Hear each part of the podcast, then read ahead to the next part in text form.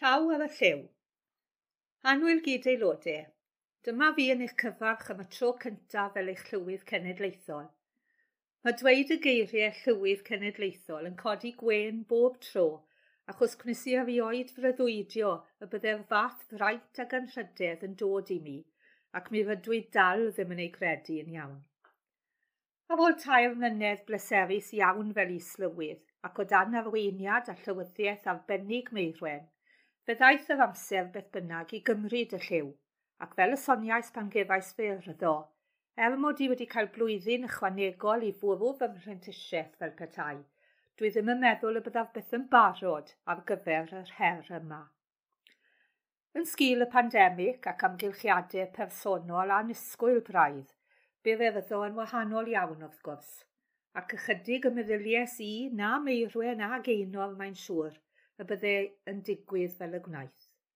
Ond cafwyd diwrnod hyfryd, gyda chryw bychan o deulu agos, ffrindiau, aelodau'r gangen a swyddogion rhanbarthol a chenedlaethol yn ymuno â ni wrth odre mynyddoedd y preseli ger cofeb Waldo y mynychlog ddi ar gyfer achlysur a fi'n seremoni bersonol, cartrefol ac hyfryd iawn.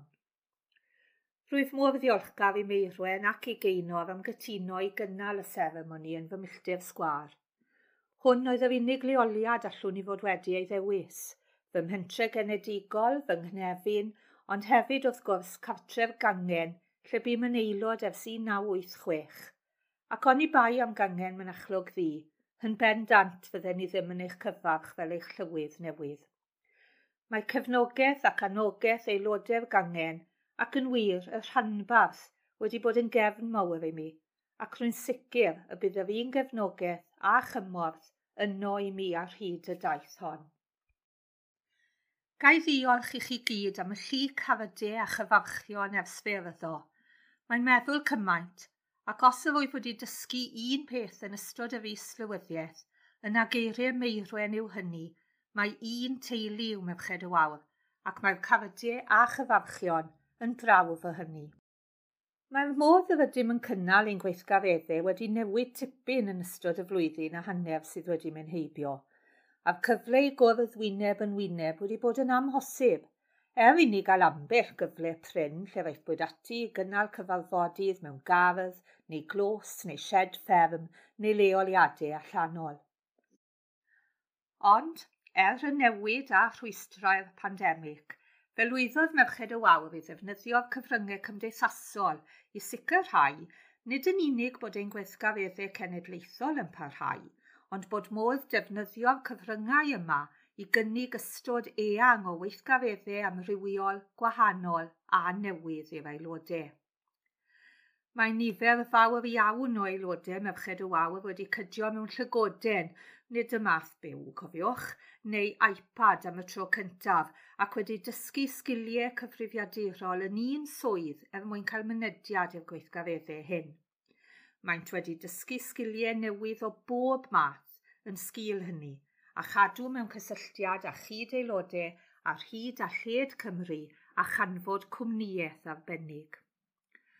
Fel y soniais adeg y rhyfyddo, rwy'n credu bod hi'n bwysig nawr ein bod yn adeiladu ar y gwaith da hyn a pharhau i ddefnyddio'r cyfryngau digidol fel modd i ymestyn allan at ein aelodau. Y rheini fydd yn rhy pryderus neu'n rhy nefyfus i fynychu cyfarfodydd misol efallai, neu rheini sydd ddim ar modd i allu teithio i'w cangen, neu sydd ddim yn byw yn ddigon agos i gangen.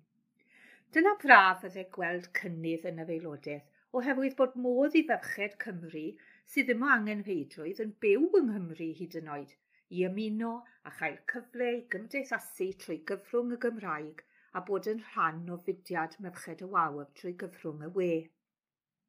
Gobeithio, pan fyddwch yn gwrando ar hwn, y bydd y cyfyngiadau wedi llacio eto, a bydd modd i ni ddechrau cyfarfod yn ein lleoliadau arferol ac y bydd yr yfhydef a'r awydd gennym i ail gydio yn ein gweithgareddau yn cyfarfodydd misol wyneb yn wyneb.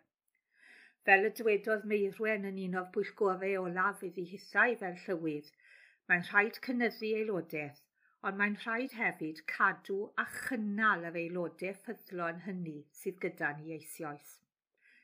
Un o'r pethau rwyf wedi edrych ymlaen yn fawr iawn iddo fel llywydd yw cael ymweld â'r canghennau a rhanbarthau ar hyd a lled Cymru i gyfarfod â chi gyd aelodau a dod eich adnabod.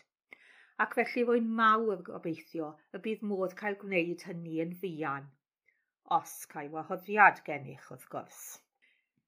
I rheina ohonoch na glywodd neu na lwyddodd i wylio ar eryddo ar y we ag ati, Gai eich gadael gyda stori fach i egluro pam mae cyrraedd y fraint hon o fod yn llywydd cenedlaethol yn codi gwen.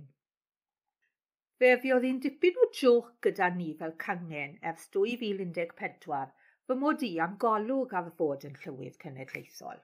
Pan gwnes i ddweud wrth ein llywydd cenedlaethol ar y pryd, sef Meryl Davies, ynghinio dathlu'r gangen yn ddeugain oed. Mod i'n eithaf yn sio eich job chi. Ond wir i chi, ei ddweud a safod yn y bwch fioddi, ac fel y dwedais i, gwnes i erioed freuddwydio y byddai yn dod yn reality. Ond dyma ni. Mae beth gwnas ddechrau fel joc beth bynnag, erbyn hyn yn fraint ac anrhydedd enfawr, ac rwyf wir yn gobeithio a gallaf gyflawni'r swydd Gyda fi'n urddas, ymroddiad a brwdfrydedd a meirwen, Sandra, Meryl a'r holl lywyddion eraill o'n blaen. Mae'r ymroddiad a'r brwdfrydedd gyda fi, ond urddas, cewn ni weld. Pob hwyl i chi gyd a chofion, Jill.